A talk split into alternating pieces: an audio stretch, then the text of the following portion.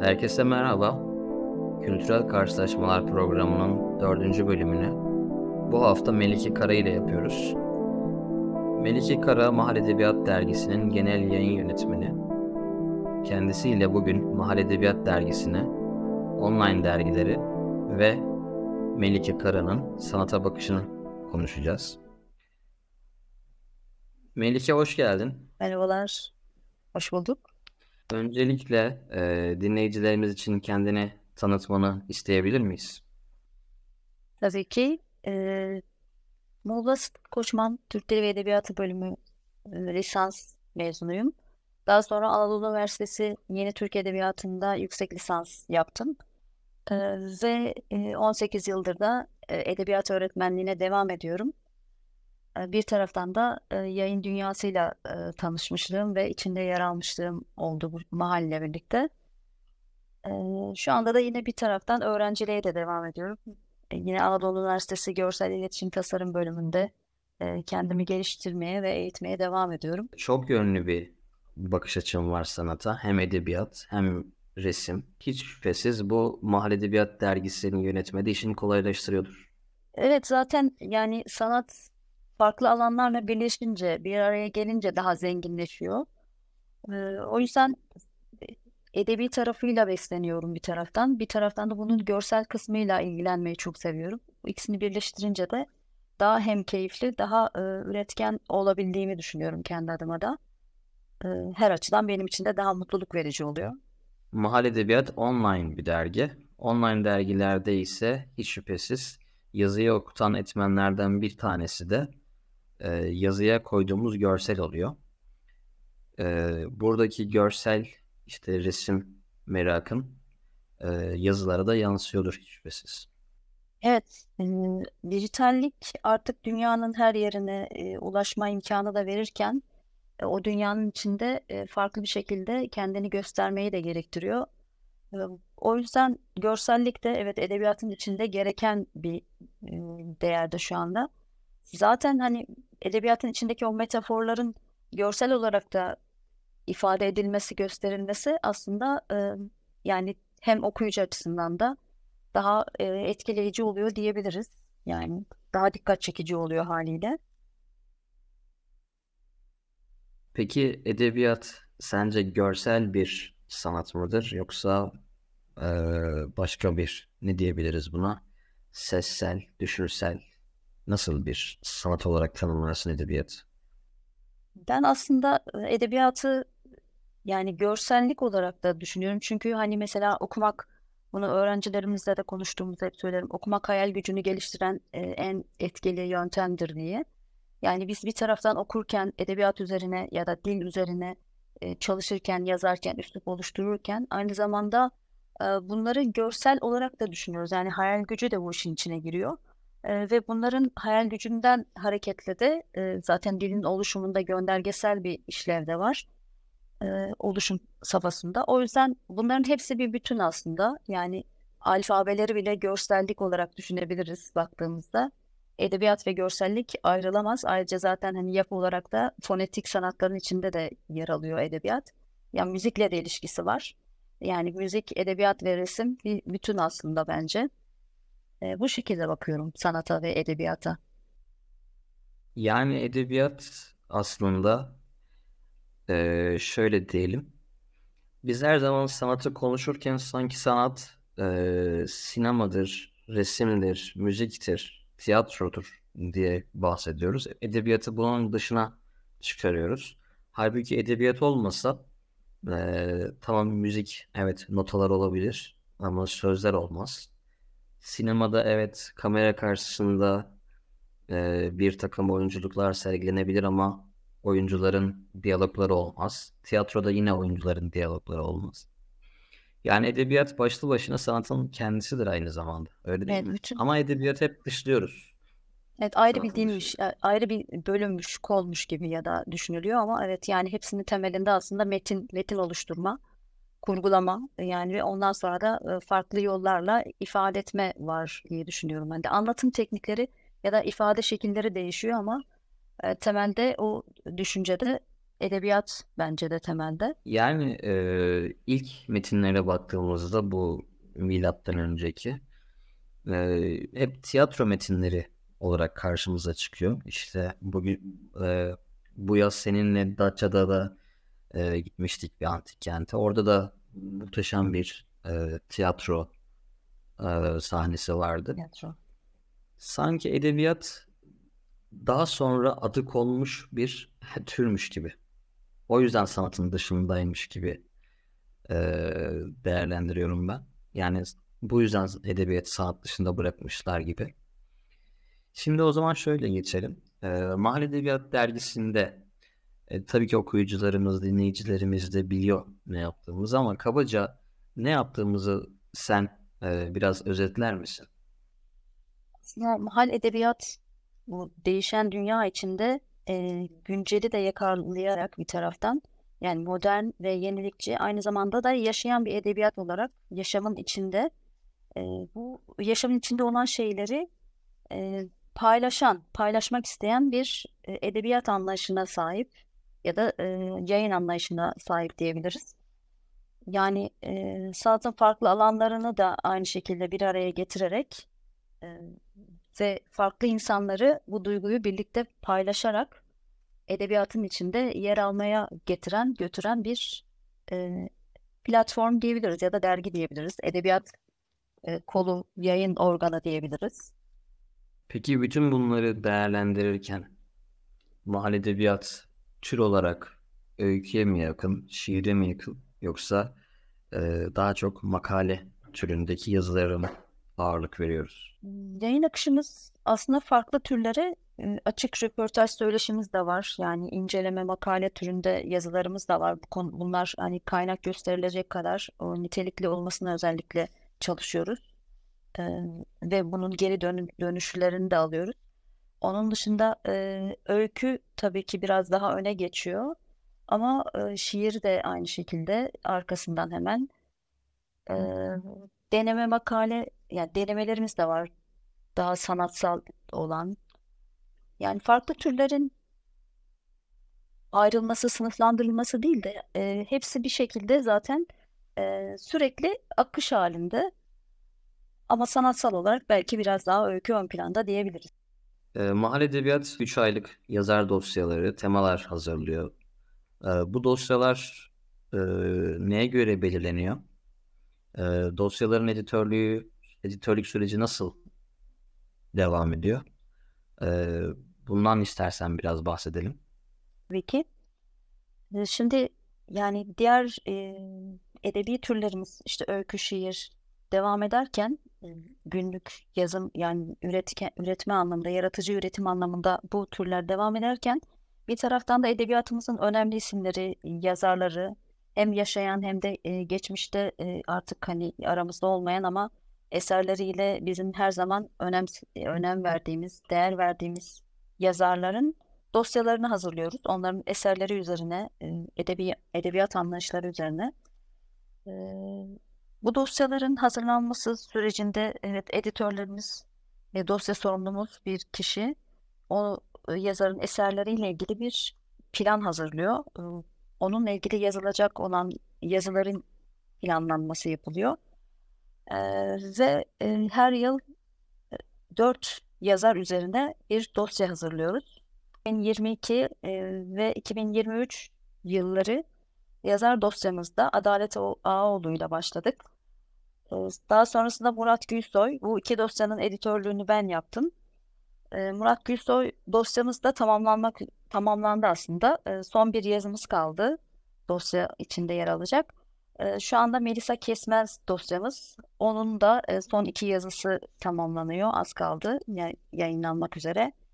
Bundan sonrasında da Melisa Kesmez'i de Hatice Akalın editörlerimizden şu anda dosya yöneticiliğini yapıyor. E, ve son dosyamızda Yakup Kadri Karaosmanoğlu üzerine olacak. Onu da e, sen hazırlıyorsun.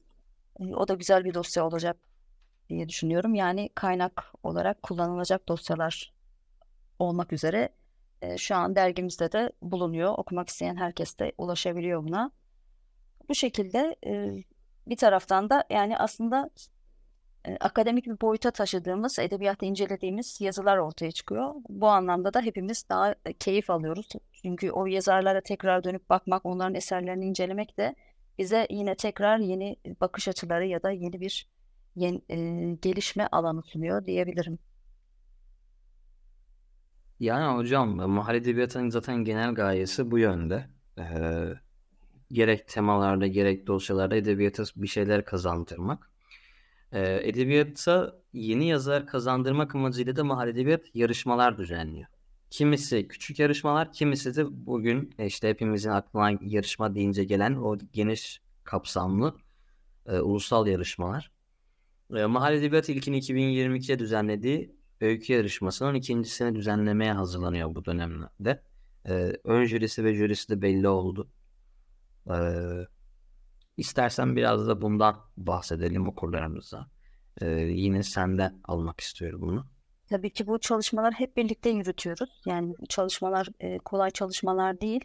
E, ön jürisi, jürisi, e, onun e, hazırlanması, o yarışmanın koşullarından oluşması, fikir alışverişlerimizi hep birlikte yaptığımız bir çalışma. E, tabii ki farklı yarışmalarımız var. Mesela temalardan bahsetmedim. Az önce temalar da var. Yani dosyalarımızın dışında temalar var. Temalarda da yine bize yazılar geliyor. Bu e, benlik temamız vardı. Şimdi intikam teması var. Ekim'de tekrar bu yılın üçüncü temasını e, belirleyerek e, bu yılı tamamlamış ol olacağız. İşte buraya gelen yazılar oluyor. Onun dışında e, görselden öyküye diye bir yarışmamız vardı. Yani yıl e, yine onu da ilerleyen zamanlarda tekrar yapacağız. Geçen sene yapmıştık. E, Biraz bahseder misin bu görselden öyküye? Nasıl oluyor? Mantığı nedir? Evet, bir görsel üzerinden e, bize e, öyküler gönderilmesini istiyoruz. Bu öykülerden de ilk üçe giren öyküyü dergimizde yayınlıyoruz. Yani onun dışında da senin söylediğin yarışma e, bu sene daha büyük çaplı bir yarışmaya dönüşecek. Yani Ocak ayında son katılımı olacak. Yakın bir zamanda katılım koşullarını ve e, ne zaman nasıl katılacakları ile ilgili bilgileri okuyucularımıza duyurmuş olacağız. E, Mart sonunda da bunun sonuçlarını açıklayabiliriz. Yani bu yarışmadan da yine e, bu yarışmada da başarı kazanan eserlerin yayınlanması Mayıs ayında kitaba dönüşerek kitap basımı olarak e, okuyucularımıza ulaşmış olacak. Bu kitap bahsine e, birazdan geçeceğim ama öncesinde yarışma mevzusunu kapatmadan önce sana bir soru sormak istiyorum. Sen hem genel yayın yönetmeni hem edebiyat öğretmeni hem de edebiyat mezunusun ve yüksek lisansını da edebiyat üzerine yaptın. E, biliyorsun geçmişten bugüne yapılan yarışmaları gözümüzün önünde e, canlandırırsak mesela Yusuf Atılgan'ın Evdeki Öyküsü bir yarışmada dereceye giriyor. Başka büyük bir yazarımız yarışmada yine dereceye giriyor. Ama son zamanlarda sanki yarışmaların içi biraz boşaltılmış gibi, herkes yarışma yapabilirmiş gibi bir algı oluşmaya başladı. Sen e, mahalle edebiyattan bağımsız olarak yarışmaları nasıl değerlendiriyorsun? Sence yarışma e, kültürü ya da yarışma kavramı iyi bir şey midir? Hani bu şimdi çocukları diyoruz ya e, sınavlara yarıştırıyoruz. İşte sanki burada e, yazarları mı yarıştırıyoruz? İyi bir şey mi yarıştırmak? Yarışma kavramı. Aslında e, yarışmalar önemli bence hem yazar açısından hem edebiyat açısından, üretim açısından da. E, çünkü Atilla İlhan'ı da biz aslında yarışmadan tanıyoruz. Yani e, önemli isimler, önemli yazarlar e, üretimlerinin farklı safhalarında yani erken dönemde ya da daha geç bir zaman diliminde e, bu şekilde tanınabiliyorlar. Yani keşfedilebiliyorlar bir taraftan. Yani bu anlamda edebiyat için önemli olduğunu düşünüyorum yarışmaların ama nitelik anlamında e, senin bakış açının da gerçeklik payı gerçekten yatsınamaz. Çünkü yani pek çok yarışma var ama bu yarışmaların e, niteliği ya da e, tanınır, duyulur olması açısından önemi eserlerin niteliğini de etkiliyor, değiştiriyor diyebiliriz. Mahal Edebiyatı'nın ikinci öykü yarışmasında dereceye giren öyküler e, kitaplaştırılacak ve Mahal Edebiyat yayınları tarafından yayınlanacak. E, Mahal Edebiyat sadece dergi değil aynı zamanda yayın evi de var. Bunların da bunların da dışında Mahal Edebiyat'ın üçüncü bir kolu da var aynı zamanda. Bence daha fazla kolu var ama Şimdi kollarını sıralarsak bence podcast bundan sonra tamamen mahalle edebiyatın e, iyice reklam yüzüne dönmüş olacak. O yüzden sadece üçüncüsünü söyleyeyim. Mahalle edebiyatın organizasyon ayağı da var. İmza günleri, söyleşiler düzenliyor ve geçen Ocak ayında da Nazım Hikmet'in doğum gününde Koz Yatağı'nda Nazım Hikmet'i aldık Leyli Sanat Derneği ile. Peki dergi, yayın evi, bu imza günleri, söyleşiler fazla sanattan sıkılmıyor musun? Yani aslında sanattan sıkılmıyoruz, daha çok keyif alıyoruz. Yani sanatı daha çok paylaşıp daha çok keyif alıyoruz diyebiliriz aslında. Çünkü söyleşilerde Eskişehir, Ankara, İzmir, e, Gebze yani hem imza günü hem söyleşi e, etkinliklerimiz oldu. E, şimdi 17'sinde 17 Eylül'de de Kırklar elinde senin söyleşin var. 21 Ekim'de Ankara'da yine bir söyleşimiz olacak imza ve söyleşi. İstanbul'da yine hemen o günlere yakın ya da sonrasında İstanbul'da yine bir etkinliğimiz var. Düşündüğümüz, planladığımız iki şehir daha var. Yani bu şekilde hem bir araya gelmiş oluyoruz hem üretme aşaması açısından görüş fikir alışverişleri daha güzel oluyor ve dediğim gibi paylaşmak bu işi daha zevkli hale getiriyor bence. ve üretkenliğimiz de ben buna bağlıyorum. Çünkü gerçekten bu söyleşilerle birlikte hem okurla karşılaşmış oluyoruz, buluşmuş oluyoruz. Hem kendimiz ekip olarak buluşmuş oluyoruz ve bu e, her halükarda bir üretime dönüşüyor sonrasında da. O yüzden zor da değil, daha keyifli ve daha güzel bence. şimdi yine bu organizasyonlardan devam edelim.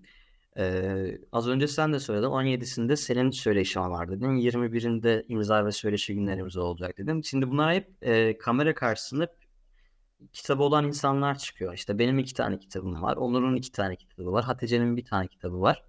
Fakat Melike Kara'nın kitabı yok.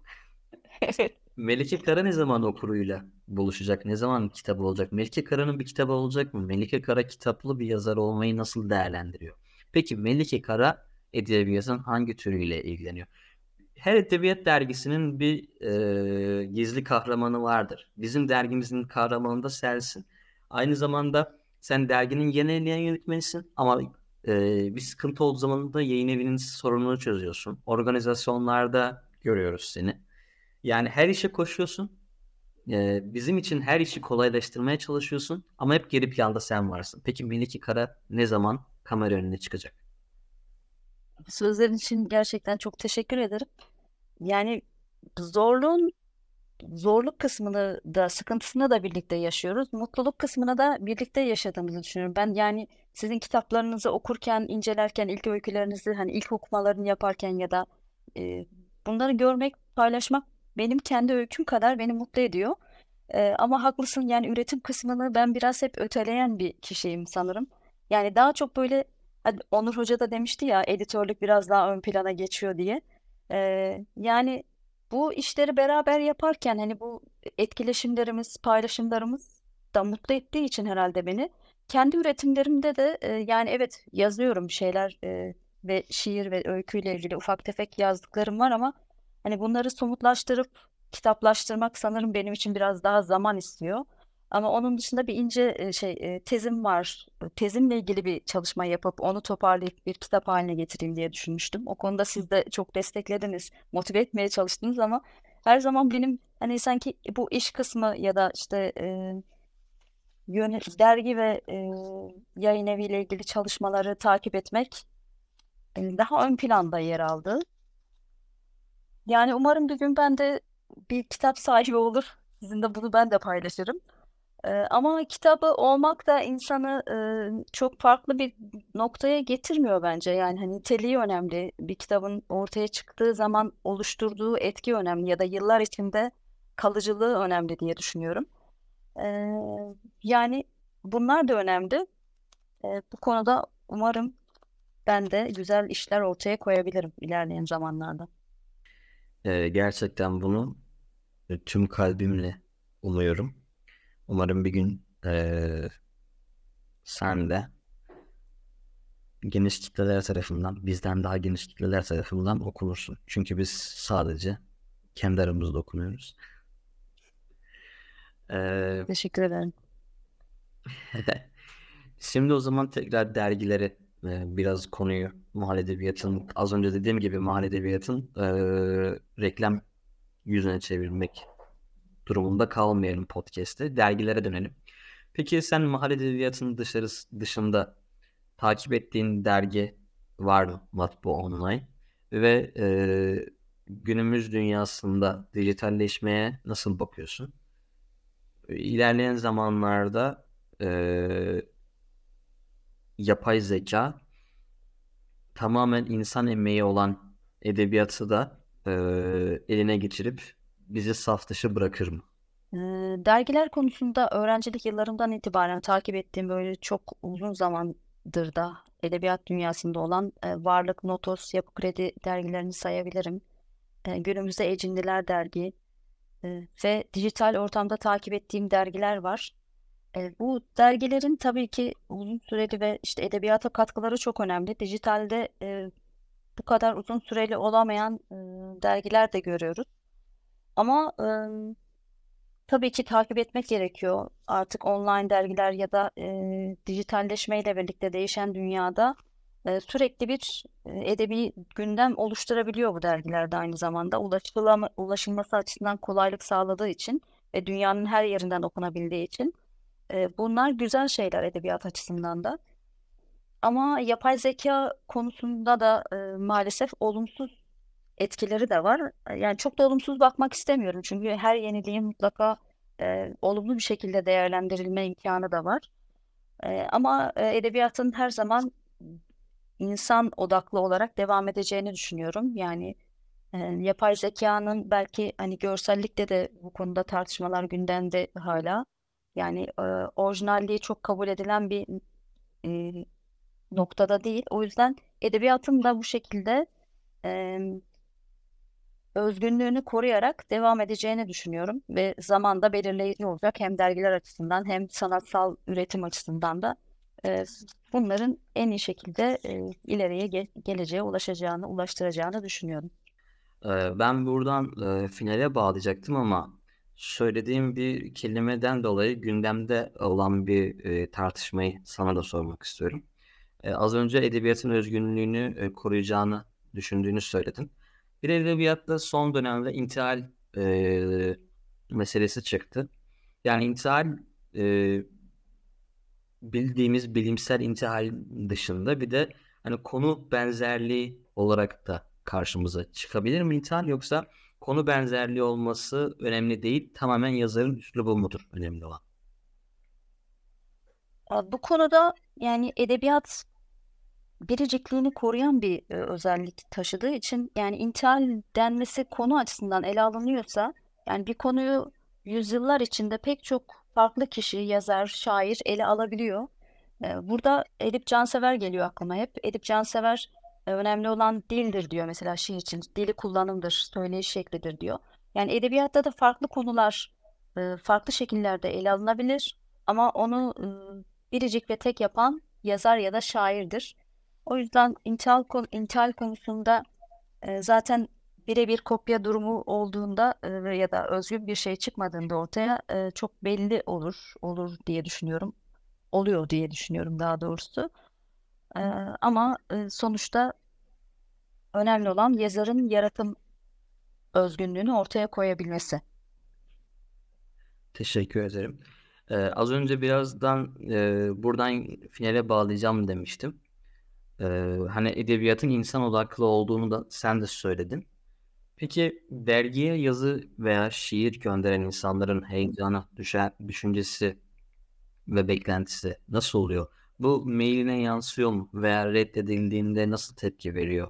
Veya e, biz mahalle edebiyatta olumlu da olsa, olumsuz da olsa dönüş yapıyoruz. Olumluysa ve bizim e, yayın kriterimize göre düzenleyip yazara gönderiyoruz. Eğer ona verirse yayınlıyoruz. Peki e, dergiye yazı şiir gönderen insanların heyecanı, düşüncesi ve beklentisi e, bu dönemde nasıl gelişmiş durumda?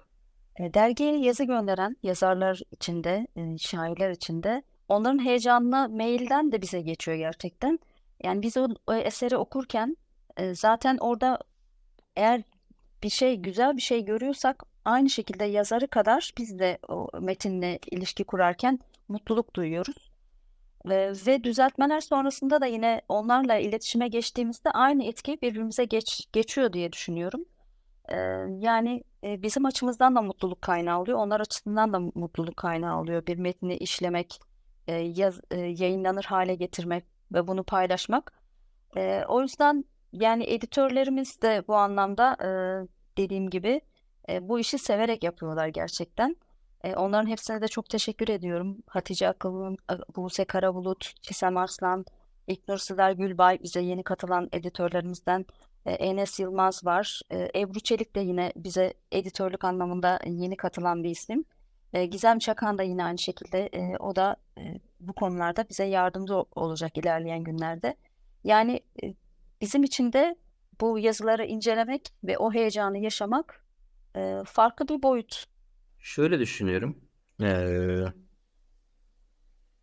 dışarıdan biri olsaydım ve size yazı gönderseydim, olumlu veya olumsuz yanıt alsaydım, olumlu yanıt aldığımda metnimin düzeltilmiş halini bana göndermiş olsaydınız çok mutlu olurdum.